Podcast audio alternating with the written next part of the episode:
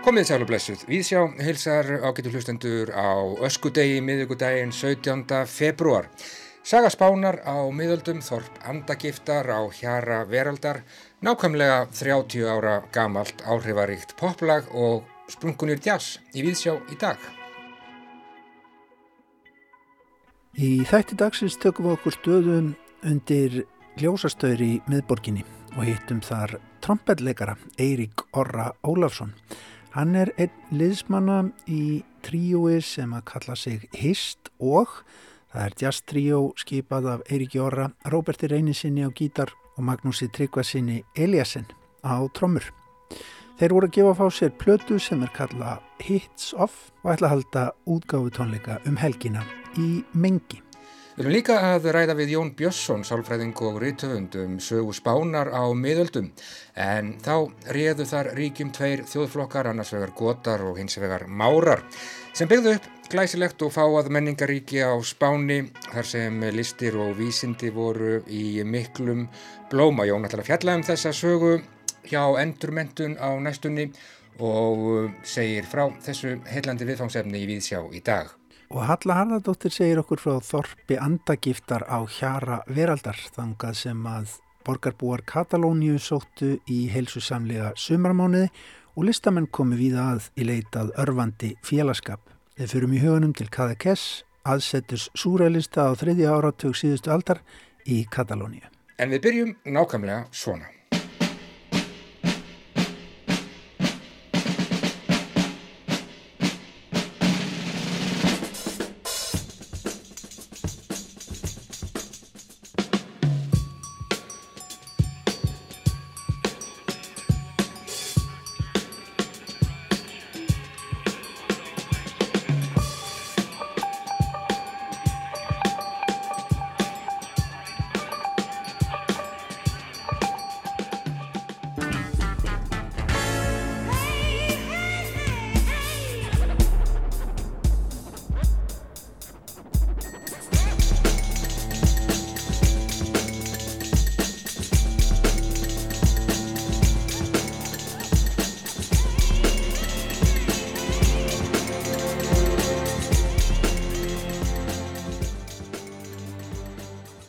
Nætur engin dagur ágættu hlustendur, þú ert bókin sem ég er búin að opna og nú bókstaflega verði ég að fá að vita meira, miklu meira.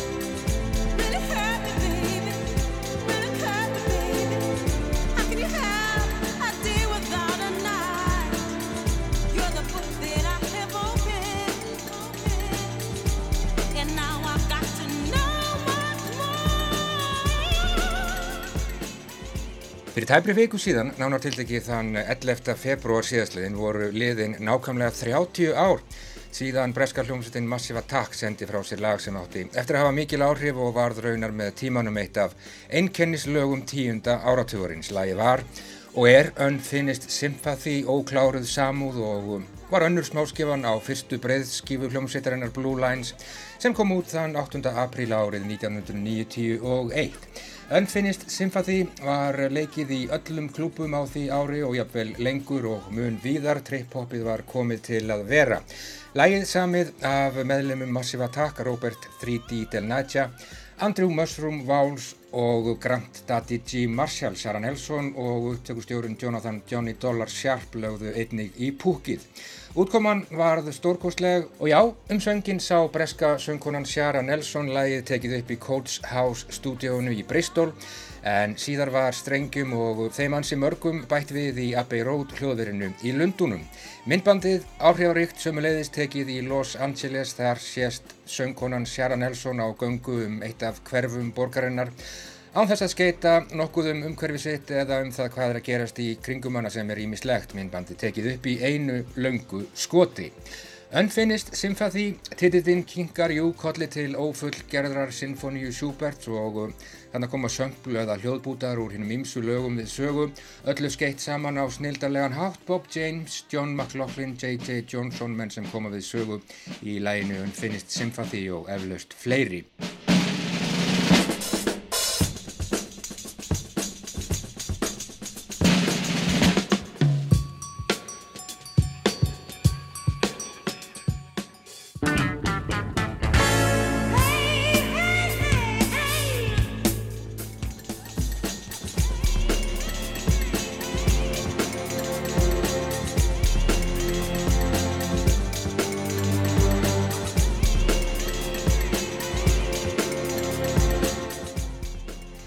Desember árið 1991 valdi tónlistartímaritið Melody Maker Unfinished Symphony smáskífu ársins. Lægið hefur oft verið valið eitt af bestu lögum allra tíma Tina Turner gerði sína útgáfu á læginu árið 1996 og árið 1993 var lægið notað í bandarísku kveikmyndinni Sliver eftir Philip Noyce. Unfinished Sympathy ókláruð samúð, þetta er afar tilfinningareikt lag en á sama tíma er yfir því einhver klassískur blær.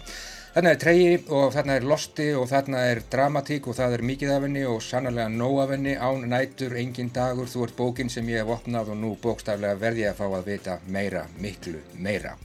Hljómsdinn Massive Attack stopnuð í Bristol á Englandi árið 1988 af þeim Robert 3D Del Naja Adrian Tricky Thors, Andrew Mushroom Walls og Grant Daddy G. Marshall. Núverandi meðlumir Del Naja, Thors og Marshall.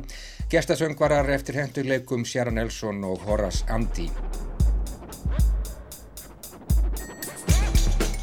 Og já, 30 ár liðin frá útgáfu lagsins Unfinished Sympathy, þessi ókláraða samúð.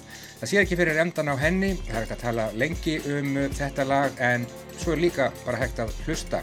Lægið jafn fest í februar árið 2021 og það var fyrir 30 árum í februar árið 1991.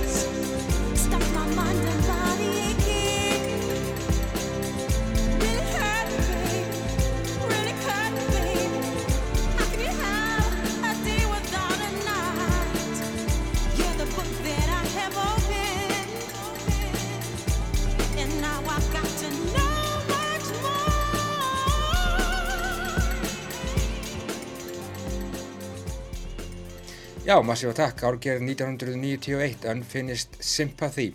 30 ár slett liðin frá útgáfu lagsins og um, það eldist bara bísna vel. Engin dagur án nætur og svo framvegis. En þá heldum við í huganum til Spánar, nánartiltekið til Þorpsins Kadakess í Katalóníu, hugum að Þorpi andagiftar á hjara veraldar.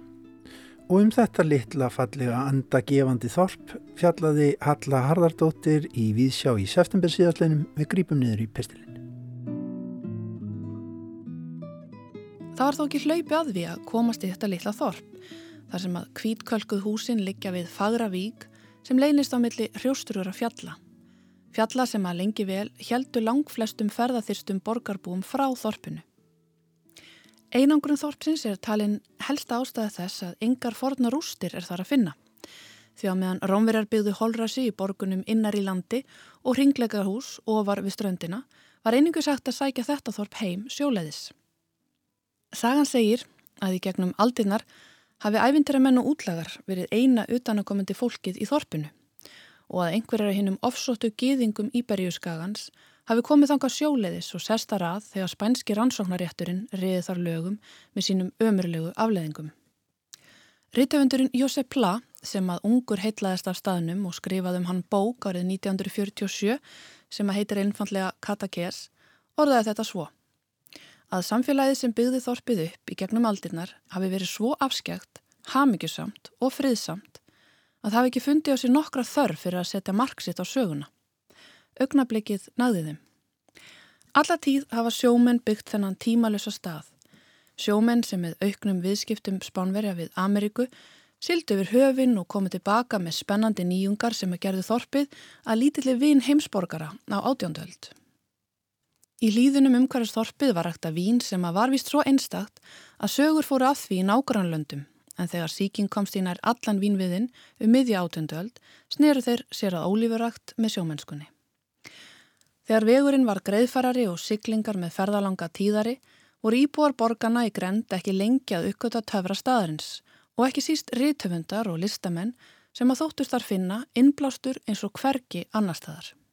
Ófá skáld og málarar hafa reynd að lýsa töfrum staðarins sem vegna einangrunna sinnar var samt aldrei að ferðamannastaði líkt og aðrir bæir við strandlengju Katalóniu.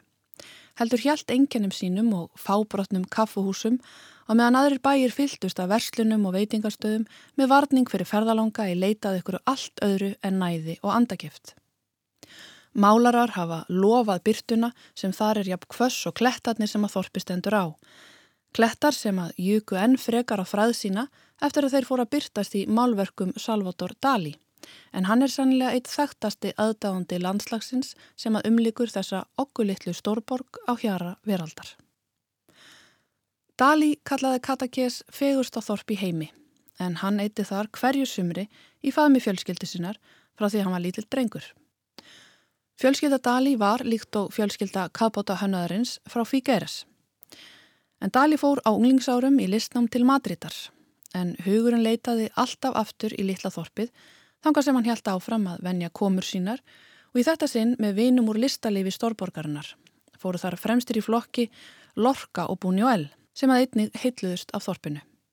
Að lokum settist hann svo að í Port Ligat í næstu vík við Katakés þar sem að nokkrir kofar sjómana stóðu við litla bryggju. Dali festi kaup á einum þessara kofa og gerði hann heimilu sínu og bjóð þar til æfi loka. Litli sjómannskofin var með tímanum að ævindrilegu húsi þar sem að hvert rýmið bættist ofan og annað á organískan hátt og innan stokksmuninir fábrotið handverk að hætti heimamanna í bland við súrealíska hluti allstaðaráður heiminum. Í gardin bættist frá við sundlaug þar sem að kvikmyndarstjörnur, listamenn og tónlistafólk baðaði sig í laungu og nær samfældu partíi eftir að Dali varð heimsfrægur miljónamæringur. En það var síðar. Fyrst átti Dali eftir að kynnast konunni sem var helsti drivkrafturinn á baku verkin sem að fættust í þessu ævindrilega þorpi sem virðist í einangrun sinni vera einhvers konar vín andagiftarinnar við endimörk alheimsins. Þorpinu þar sem að Duchamp teflir skák við sjóin og þar sem að sjómenn sofa drömlausum svefni í sandinum því áttavitu þeirra er rós sem rýs úr hafinu. Svo vitnað sé sjálfan Lorca. Dali hafði ungur sínt áhuga á teikningu og byrjaði að mála við mikla kvartningu fjölskyldusunar sem hafði vist fullan skilninga á mikilvægi listarinnar. Hann var sendur í listnám til Madridar þar sem hann kynntist skapandi fólki sem að örfaðan til frekari verka. Kennarar hans við málaradildina heitluðu ungan Dali víst ekki upp úr skónum og var hann alls ekkert vissum að strígin væri hans miðill. Hann hefði allt eins geta einbett sér á skúldur, kvikmyndagerði eða riðlistinni hefði ung rúsnars kona ekki stíðin í líf hans í Katakés nokkrum árum eftir námið.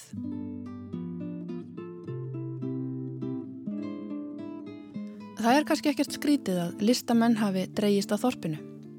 Og kannski er ekki skrítið að innsti kjarni súrealistana í París hafi fundið staðurinn vera eitthvað nátt göldróttur. Óvenju ráfegurð, tímalissi, einfalt líf og einangrun, í blandu góðan mat, gott veður og tæran sjó, ættu nú að vera nægt aðdráttarafl fyrir hvert sem er. En þegar ungur dag líbauð ljóðskaldinu og einum þekktasta bóhem Parísar þess tíma, Paul Eluard, í heimsókn sumari 1929 var ekki aftur snúið og vinahópurinn frá París blandaðist Katakés böndum sem átt eftir að gefa af sér ógrinni myndlistaverka, ljóða og ástabrifa.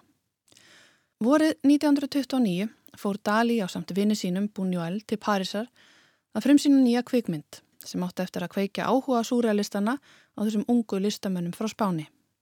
Kvikmyndin, Un Perro Andalúð eða Andalúsju hundurinn, var leikstýrsta Buñuel eftir handriti Dali og er í dag talin vera líkilverk súrealistana og allar kvikmyndasögunar ef út í það er farið. Það hefur sannlega verið glatt á hjalla í partjónum sem að fyldu í kjálfarið og í einu þeirra hitti Dali, Pól Eluard og eiginkona hans Gölu. Samkvæmt Dali sjálfum þá gjör sannlega kolfjallan fyrir þessari ungu og geislandi sjálfstæðu konu sem hafa flutt frá Rúslandi til Parísar til að giftast æsku ástinni sinni. Dali bauð hjónunum að koma í heimsókn til Katakés og þau mættu nokkru síðar á samt 11 ára gammalli dóttusinni, vinahjónunum Giorgettu og René Magritte og franska galleristanum Camille Gaumans. Þetta var auðvitað þeim tíma þegar fólk ferðaðist á staði til að vera þar. bara vera. Vinnirnir tóka ekki ísitja til að vera þar langa helgi við sjáarsíðuna, heldur var planið að vera í Katakes í minst fjórar vikur. Og þar sem að þetta voru engir venjulegir ferðalangar heldur uppáðsmenn framústefnulistar þess tíma, voru hlutverk allra frekar óljós, enda eitt af markmiðum súrælistanna að þurka út alla hlutverkaleiki borgarstjættarinnar. Gala var 34 ára gömul, eiginkona og móðir. Hjónaband þeirra Póls Eluard var opið og þau voru þessum tíma frekar nýhætt að búa með öðrum súrælísku málara, Max Ernst, en þau voru í þryggjamanna hjónabandi um nokkurst skeið. Líkt og aðri listamenn úr hópi súrælistana í París þá voru þau ekki bara á móti hjónabandinu sem stopnun, heldur öllum stopnunum samfélagsins. Stjórnmálamenn, herin og allar valdarstopnanir voru eitur í þeirra beinum sem að stríti gegn frelsinu og uppleysnunni sem að þau þráðu. Upplausn hefða og regluna sem að margir hafa bent á að hafa verið langþráð eftir hörmungar fyrir heimstyrjaldarinnar. Í rústum gamallega hugmyndakerfa leituðu framústefnalistamenn álfunar að nýjum sannleika til að byggja nýtt líf. Sannleika sem var frekar að finna í frjálsum leik og undirmeðvutund heldur en gömlum og heftandi venjum. Margir telja upp að framústefnunar sé að finna í datarhefingunni sem á einn af sínum uppáspunktum að reykja til stríðsáruna í Sviss en það var einmitt þar sem að Póli Eluard og Gala kynntust. Reyfingin ferðaðist í Parísar þar sem að hjónin á samt félaga sínum Max Ernst og fleirum byggu til list sem að reyfði við borg sem að var í sárum eftir stríðið. En það er önnu saga. Við aftur á móti höldum aftur tilbaka í litla þorpið. Það er kannski ekki skrítið að þorpið hafi hillað vinahópin sem að tímaleysi sínu og einangrun var öruglega eins og auður stríi fyrir leiki og uppákomur listamanna þetta sumarið árið 1929. Eins og fyrr sagði þá voru þau Gala og Paul Eluard ekki mjög upptekinn af almennum leikareglum hjónabansins og því ekkert íti fyrirstöðu að Gala hæfi samband við gestgjafa þeirra í Katakes, Salvador Dali. Dali var vist eins og viðkvæmt blóm á þessum mótunar árum sínum og þetta sumarið var hann vist á barmi taugafals Sumarið átt að hjálpa honum að ná eitthvað skonar jafnvægi. Samkvæmt æfisögurítara Gölu hafði vinahópurinn ákveðið að Gala myndi koma þessum unga og efnilega málara sem átti aðeins og sásukafullu sambandi við lífið til hjálpar. Koma honum á réttan kjöl svo galleristinn geti fara að selja eitthvað þessu óvinnilegu verkum í París. Og plani virkaði og það virkaði reynda svo vel að þau Gala fjalli hugi saman og voru aldrei sundur eftir þetta sumar. Í sjálfsægusinu Secret Life sem kom út árið 1942 segir Dali um þessa ást lífsins. Hún hlaut að verða mín gradífa, hún sem hreyfir við lífinu, sigur minn, konan mín. Þrátt fyrir að Gala hafi komið Dali á réttan kjöl og verið hans helsti stuðningsmaður alla tíð, hefur sagan ekki farin eitt sérstaklega mjúkum höndum um hana. Hún hefur verið sögðu valdasjúk tæfa sem að vildi ekkert nema peninga eins merkilegasta listamanns síðustu aldar. Hún á að hafa verið kynuð kona sem að svafja hverjum sem henni síndist, ömurleg móðir sem yfirka barni sitt, gráðug og allt of metnaða full. Og í raun bara vond manneskja. Gagrinni sem að kemur kannski ekki óvart í ljósi þess að hún er kona. Gala hefur verið kölluð músa listamannsins sem hún var, hún veit hann innblástur, en hún veit hann svo miklu meira en það. Þegar Gala hitti Dali þetta sumar árið 1929 ákvað hún að verða eftir þegar eigin maður og dóttir fór aftur til Parísar. Hún yfirga lífið og vel efnaða fjölskyldu sinni í París til að búa í kofa á ströndinni þar sem að var kvorki ramagnir rannandi vatn. Það voru nefnileg ekki glæsihallir og parti í upphafi, það kom síðar, þökks í gölu, því að hún var í raun umbóðsmaður hans, auk þess að vera sálihjálpari umsjónarkona heimilisins, innblástur og fyrirsetta. Með tímanum, auknum ferðalögum og aukinni fræð fjarlæðist parið og það má segja að þörfin fyrir að setja marksitt á alheiminn hafið orðið augnablikinu yfirsterkari. Dali keipti á sjönda áratugnum Kastala handa gölu sinni í næsta nákrenni við Þorpið þar sem hún gætt verið í friði með ásmönum sínum. En hann hætti aldrei elskana og hún lest við liðans í húsinu þeirra í Katakes árið 1982. Það er auðvitað hægt að færa rauk fyrir því, og það hefur verið gert, að án gölu þá hefði Dali aldrei náðu jafn langt og hann gerði. Að án gölu þá hefði hann kannski aldrei komist undan sálarangistinni sem að hrjáðan og jafnvel hægt að mála. Að án hennar hefði hann sennileg ekki náðu aðtegli utan litla þorpsins sem að mótaði hann í upphafi sem mannesku og sem að situr enn einangrað í lítilli vík á hjara veraldar.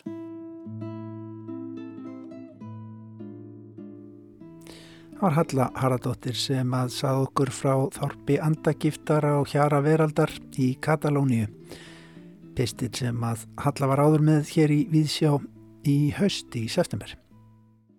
Og við skulum halda okkur á spáni hér í Víðsjá á miðugudegi og um, hvernig fyrir við að því?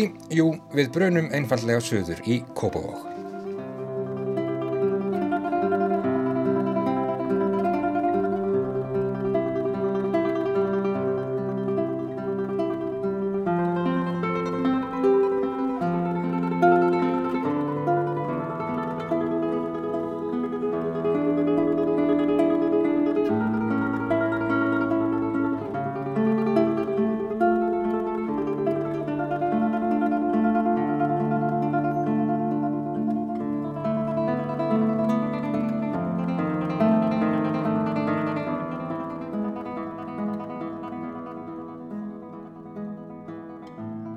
Já, ég komin ingað söður í Kópavóg, í, í Fögru brekkuna. Þar situr uh, Jón Björnsson, sálfræðingur, rítufundur og uh, ferðalangur og já, hann er að hugsa um gamla sögu, mjög merkilega og langa sögu, bara heil, heil þúsund ár. Hann ætlar að fara að uh, tala um sögu spánar á miðöldum, allt frá, bara frá 50 öld og fram til þeirrar 15. Um, þá réður ríkjum á spáni uh, tveir segja, aðkomu þjóðflokkar, gotar og uh, márar. Þú ætlar að fara að segja þessa sögu uh, hjá endurmentun, Jón, þetta er, þetta er mikil og mjög áhugavert saga.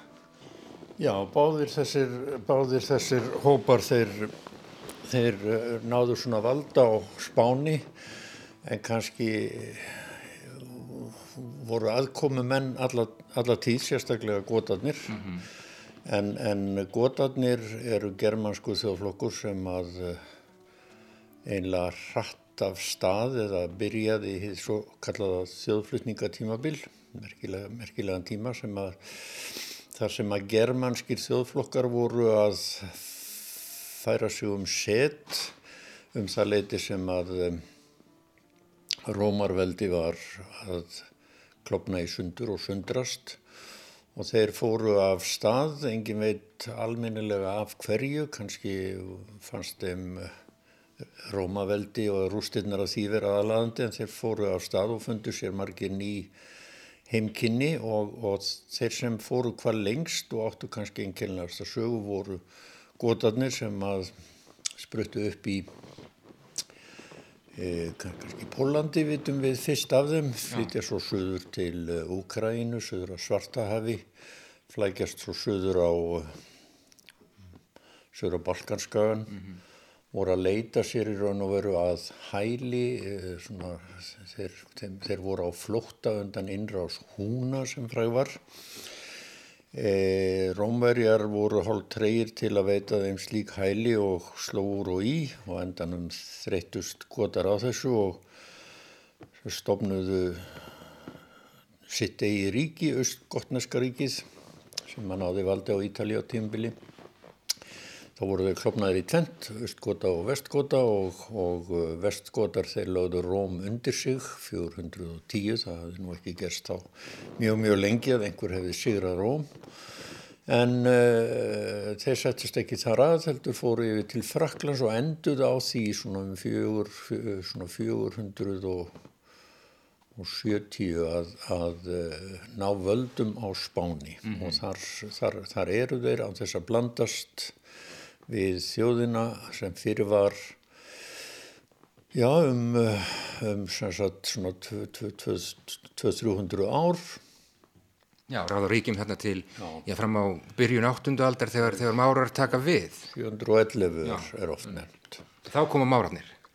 Þá, þeir voru hálf ófarsælir stjórnendur, gotarnir og, og voru stöðugt í borgarastyrjöldum og uppreysnum og mm og einu sinni dætt einu þeirra í huga það getur verið gott ráð að hóa í hóp sem að þá var að setja stað sunnan við Gibraltarsundi sem voru márar eða muslimar sem að hafðu lagt undir sér Norður Afríku og hann bað á að koma og hjálpa sér, þessi náði hétt Hróðreikur, bað á að hjálpa sér í, í innanlands átökunum og en uh, þeim leist vel á sig og fór ekki dættur og drápur Hróðreik og, og settist það nað og áttu þarna dýrlegt ríki í, í öldum saman frá 711 til 1490. Það var mikið, mikið menningarríki og þarna uh, voru já, listir og, og, og vísindi í, í miklum blóma á, á, á þeirra tíma. Já, hver, hverki meir í Evrópu líklega. Glæsileg mentasettur. Já, já. Toledo, Cordova, mm -hmm. þessar frægu borgir sem að uh, enn, maður sér enn glansin á þessum tíma á, í þeim. Mm -hmm. Eitthvað ljómi í kringum þetta? Já, mikil. Mikil ljómi. Og, og mikil romantíka mörguleiti því að uh, þeir voru nú miklu lí, svona, lífsgladari menn heldur en manni virðist að sumir muslimar séu í, í, í nótímum eða þeim sem maður, þeir sem maður heyri mest frá þarna var, var sér satt munaða líf og og ríkidæmi og, og menn nötu alls í botn.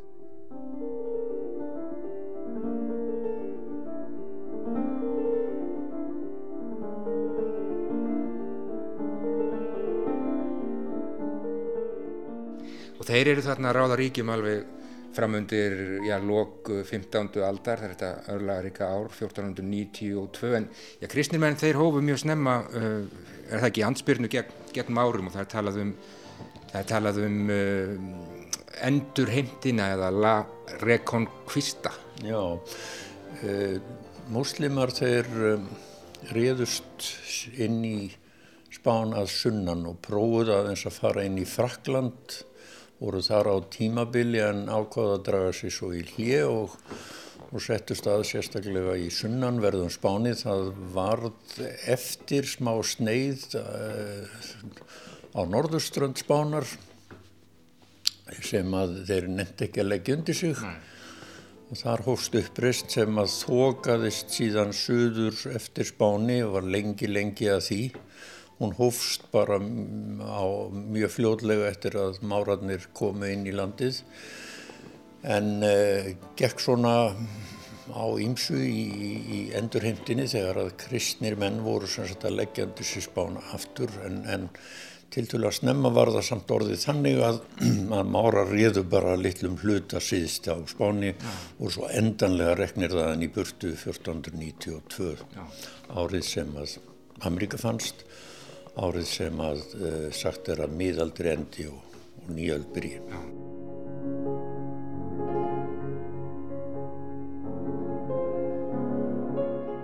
Þetta er mjög hillandi tímabil og þessi saga kannski ekkert um, allt of oft sögð, þetta er svona æsilegir tímar og, og mikil átökkuð þetta uh, á þessum slóðum á þessum tíma. Já, já, þetta var glæsileg menning eins og við nefndum aðan og hún varð mjög voldu á tímabili var stopnað þarna kalífat. Kalífi er sannsagt eftir maður spámansins Mohameds og uh, þau hafa nú ekki víða verið, nú, nú er ekkert kalífat í raun og veru til, engin er svona uh, miðstjórn á, á Íslam en, en á tímabili var hún þarna í, í, um, á Spáni. Já, nákvæmlega. Hvernig hérna, eru spánverjar mikið að, að hugsa um þessa sögu hampaðir henni? Í... Kanski stór spurning? Það er kannski stór spurning. Mm. Hún, nei, ég held, já, maður getur ekki svaraði með já eða nei. nei. Spánverjar, kannski það sem að spænst er ja. og okkur finnst vera spænst, það varð til þegar rómverjar geðu yfir Spáni uh, og það þetta blandaðist svo menningin á óskaplega margan hátt þegar að márar voru svona langan tíma þarna en márar voru samt og vissan hátt alltaf óvinnir kristina manna og taldir óvelkomnir menn mönnum fannst að það veri nöðsynlegt að endur heimta spán frá uh, heiðingjunum. Já, okay.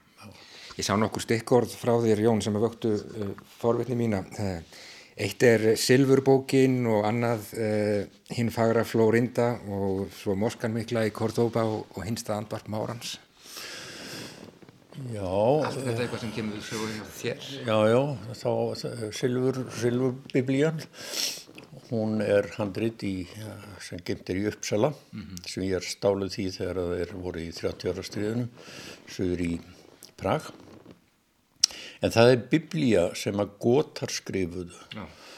Gotar voru sem sagt germansk þjóð og uh, þeir uh, töluðu austgermanst mál sem núna er tínt nema að er, var, þeir þýttu biblíuna mjög snemma Já.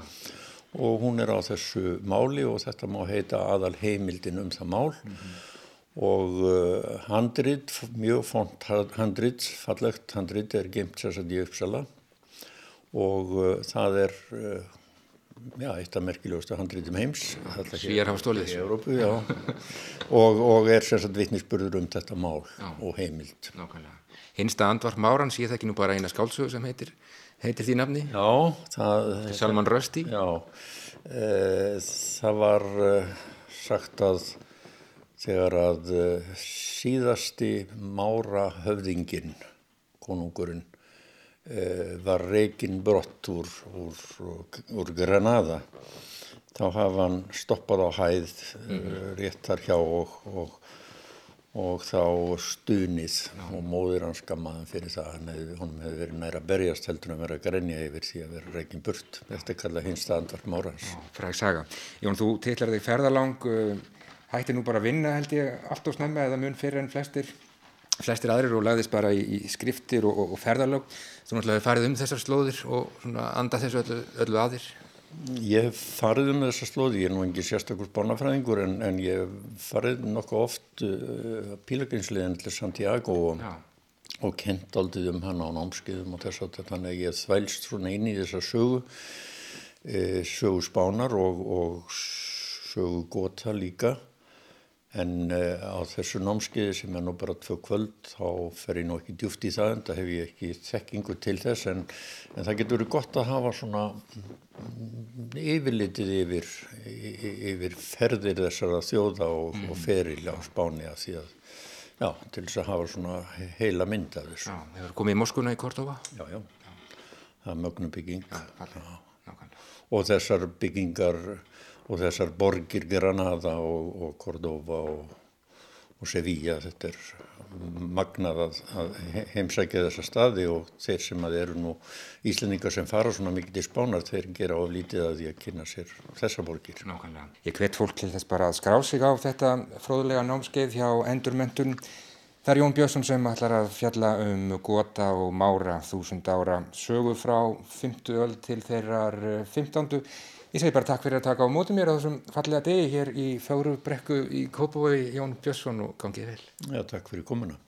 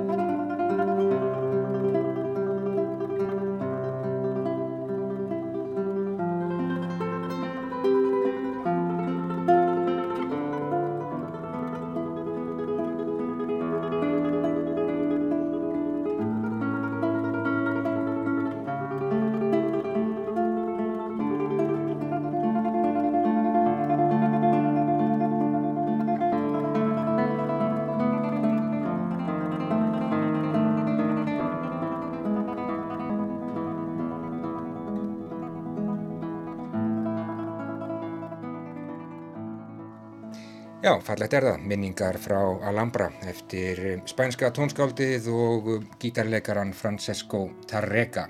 Jón Björnsson, sálfræðingur, rítufundur og ferðalangur með hugan við spænskar miðaldir í Kópavogi í morgun, gotar og márar á spáni námskeið hjá endurmentun sem hægt er að skrá sig á bara nákvæmlega núna. Mjög heillandi viðhámsefni. En þá förum við til fundar við trompetleikara í miðborg Reykjavíkur.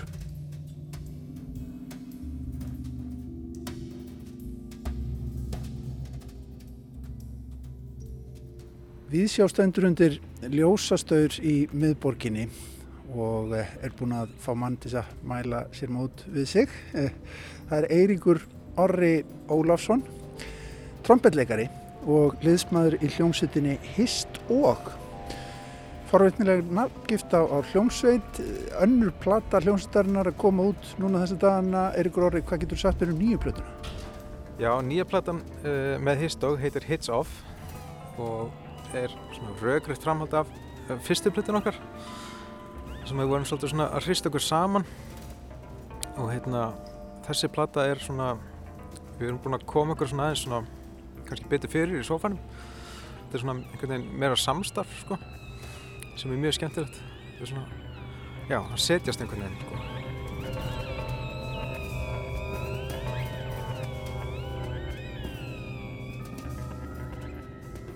Og félagarðinir í hljómsveitinni, hverjir eru það? Það er Magnús Treykvarsson Elíasson á trömmur og svo er það Róbert Reynisson á gítar og hljóðgerfla og slíkt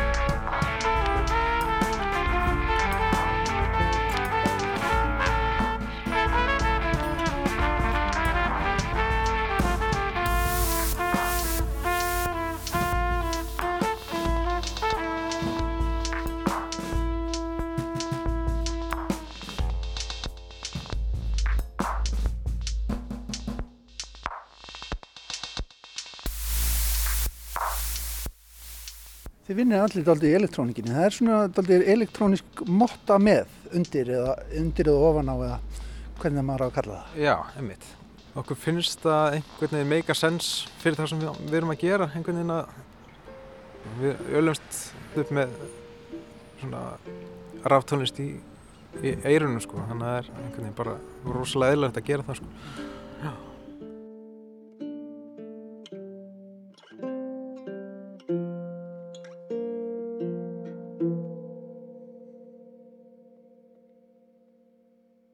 Þetta samstarf, það er nokkru ára gammalt. Rektu það aðeins hvernig það kemur til? Já, ég var náttúrulega bara spurður hvort ég var til að vera með atriði á, hérna, á, á tónlistarhátti sem var haldin í Hörpu, norður og niður. Hérna, viðfræðhátti sem að Sigurðars stóð fyrir og já, þá hóði ég bara í Róbert og Magnús og og hérna úr var það svona glimrandi samstarf færlega skemmtilegt þegar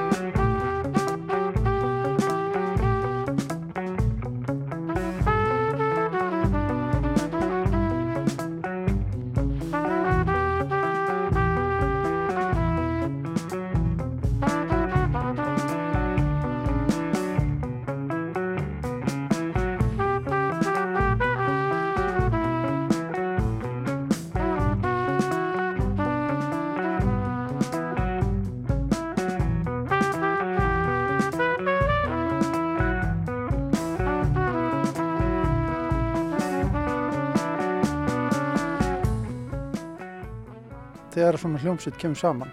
Verður þá til hvað maður kalla, einhvers konar stefniskrá einhver sameinlega hugsun? Er, er það rætt hvert á að stefna? Ég held að sko við erum búin að vera að vinna saman svo lengi í gegnum árin. Uh, ég og, og Róbert spilaðum heil lengi með Moom saman túruðum um allan heiminn.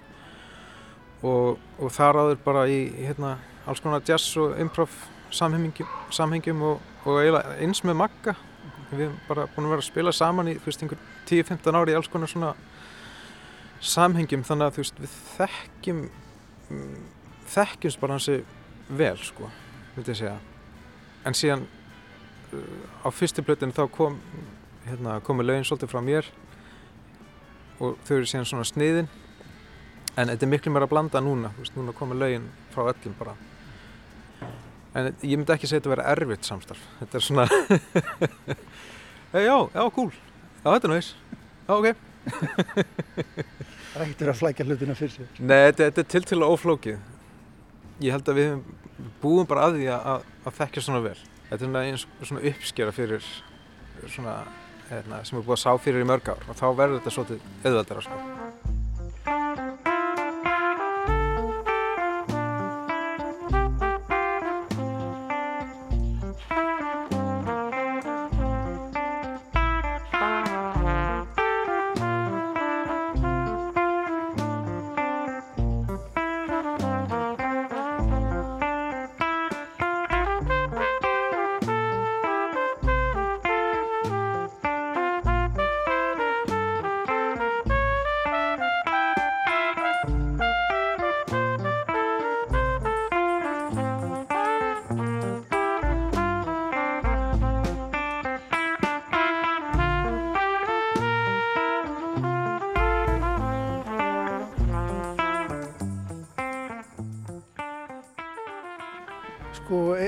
er, þetta, verðan þess að þetta er alveg sérstök blanda finnst manni. Um, maður átt að segja ekki alveg á því þetta er, þetta er jazz, jú maður svona giskar á það en það, þetta samt kemur úr einsum áttum einhvern veginn og þetta er mjög fjölbreytt blanda finnst manni. Eh, hvaðan eru svona áhrifavaldar og slíkt? Er eitthvað að tala um það? Um, já um, Já, það er náttúrulega hérna sko fyrir þetta dót það koma áhrif á, á bara, veist, bara breskri og bandarískri danstónlist raftónlist.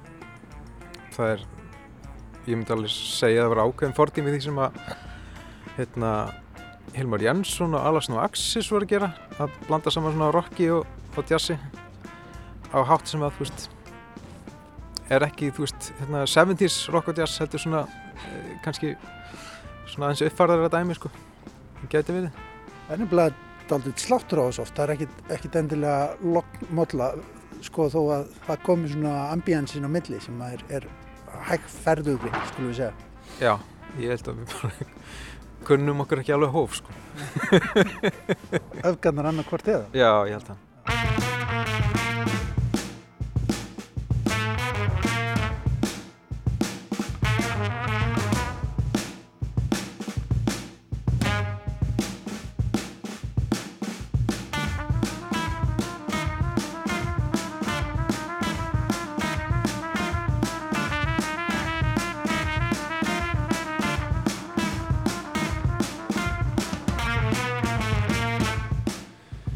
Ef ég spyrði svona hvernig lífið er í hérna jazzinu í dag á Íslandi vegna þess að þetta er náttúrulega búið að vera hálf mátlust skulum við segja bara beint út. Uh, er þetta lífna við? Heldur? Já, ég vona það. Ég finnst eins og það sé aðeins svona lefnaði við tónleikum. Veist, það var svolítið af svona streymis tónleikum til að byrja með. Svo einhvern veginn svona datta svolítið upp fyrir. Ég held að, að svona síðasta bylgjan hafi svolítið, hvað getur þú sagt, sleiði botnir úr, -hmm. úr kassanum sko. En það, ég, ég finna það núna líka bara að það er að koma vor og, og svona fólk er að finna orkana í sér eftir held ég sko.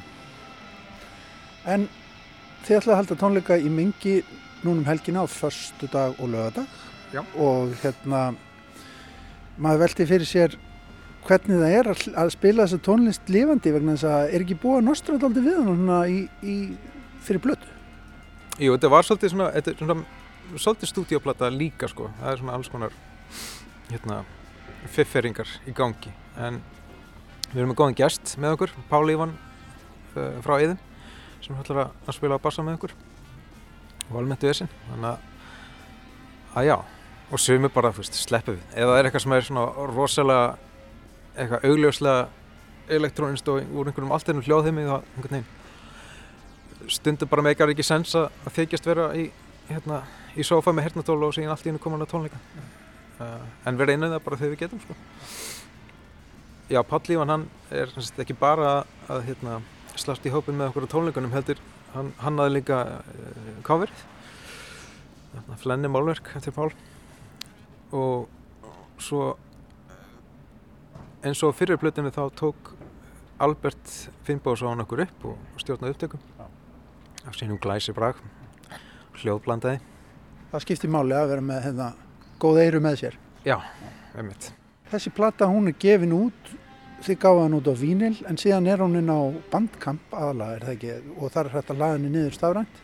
Já. í mestu gæðum auðvitað? Jú, jú. Þetta er daldið svona upplegið í dag í þessum heimi sem maður á sig kannski ekki segja það bara beint út, ekki kannski rísastóran hóp til þess að sæki mm -hmm. Jú, sko Reykjavík Record Shop hefur búin að vera rosadögulega að, að standa baki við svona þessari senu svolítið.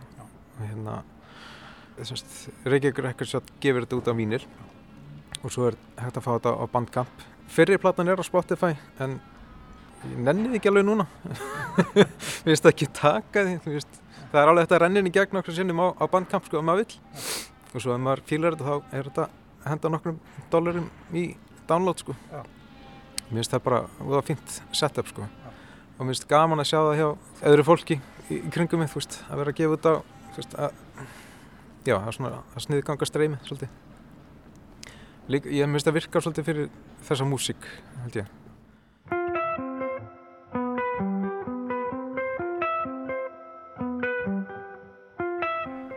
Langar að spyrja það út í eitt, það er hérna það er svona titlar á blöðunni sem að vísa þetta aldrei mikið í, í hérna já, í bara bröðstrétið þannig er hérna lag sem heitir til dæmis skattframtal. Eitt er hvað, bóta bótaskerðing, bótaskerðing já, já. bótaskerðing. Ég er svona ræk auðvun hérna.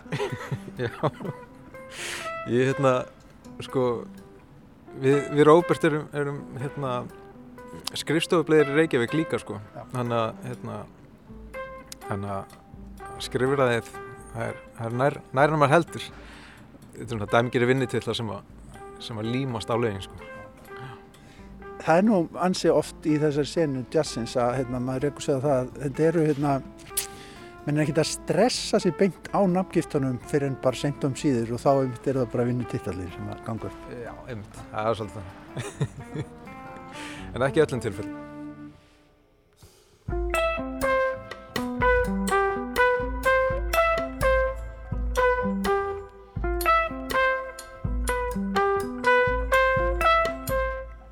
Eiríkur Orri, takk kærlega fyrir spjallið og til hamingjum með plötuna frá Hist og og hérna við byrjum að helsa félagunum kærlega og bendum á tónleikana hjá okkur í mengi um helgina.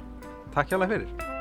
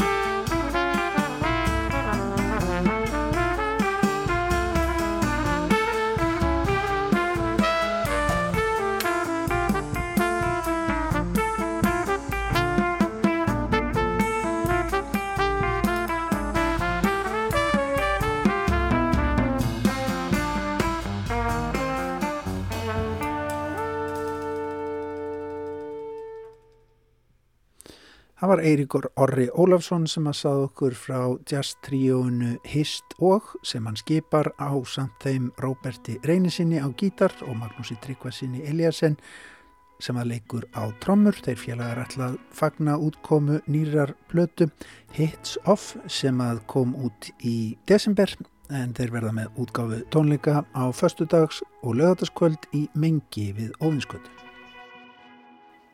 Og svona ljúkum við Víðsjá í dag. Þetta var Víðsjá á öskudegi, spánar slagsíða hjá okkur í þættinum í dag. En líka splungunir jazz og ókláruð 30 ára gömul samúð. Víðsjá hér aftur á sínum stað á sínum tíma löst eftir klukkan fjögur á morgun. Takk fyrir samfélgina í dag kærlega. Verið sæl.